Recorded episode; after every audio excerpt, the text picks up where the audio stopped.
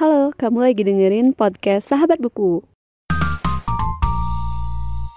Halo semuanya dan selamat datang kembali di podcast Sahabat Buku.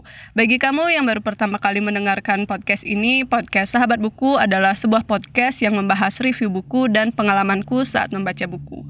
Oke, jadi di challenge podcast kali ini aku akan membahas buku dengan setting negara lain di luar Indonesia.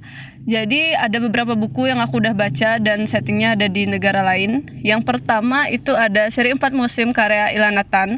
Kebetulan aku baru baca dua, jadi uh, yang aku bahas cuma ada dua, berjudul Summer in Seoul dan Autumn in Paris. Dari uh, kotanya aja udah kelihatan ya, uh, itu ada di Korea Selatan dan juga di Prancis. Dan selanjutnya ada buku Almond karya Son Won Pyung. Ini settingnya di, di Korea Selatan. Dan ceritanya bisa dibilang menyedihkan sih. Tapi uh, banyak nilai-nilai yang bisa kita ambil dari buku ini. Apalagi kalau baca buku dengan culture beda itu uh, menurutku bisa ngasih wawasan juga. Gimana orang-orang di bisa dibilang di luar negeri uh, berpikir tentang uh, sesuatu hal yang mungkin aja beda sama orang Indonesia. Selanjutnya ada buku dari Minato Kanai dengan judul Ferris Wheel at Night ini settingnya di Jepang dan sama seperti buku Almond tadi aku rasa uh, kita apa namanya kalau mempelajari hal-hal yang terkait dengan orang-orang dari luar Indonesia tuh menarik banget apalagi kayak lebih ke perilaku orang-orangnya gitu dan selanjutnya ada buku dari uh, Clarissa Gunawan yaitu Rainbirds dan The Perfect World of Miwako Sumida.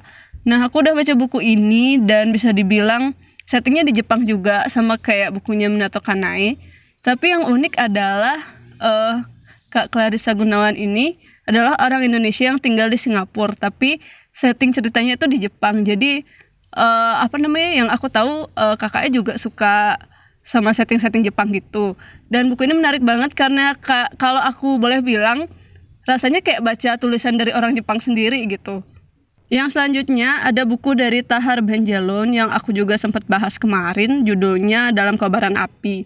Jadi buku ini settingnya seingatku di Afrika Utara, seingatku di Aljazair, dan ini menceritakan sebuah tragedi gitu. Selanjutnya ada buku dengan judul Orang-orang Bloomington karya Pak Budi Dharma. Ini settingnya di Amerika Serikat, uh, khususnya di Bloomington itu.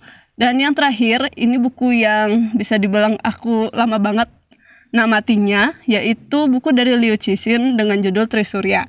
Ini settingnya di Tiongkok uh, sekitar tahun 1960 sampai nanti ada jumping gitu di di sekitar tahun di masa depan. Mungkin itu dulu untuk episode kali ini. Terima kasih sudah mendengarkan dan sampai jumpa di episode selanjutnya.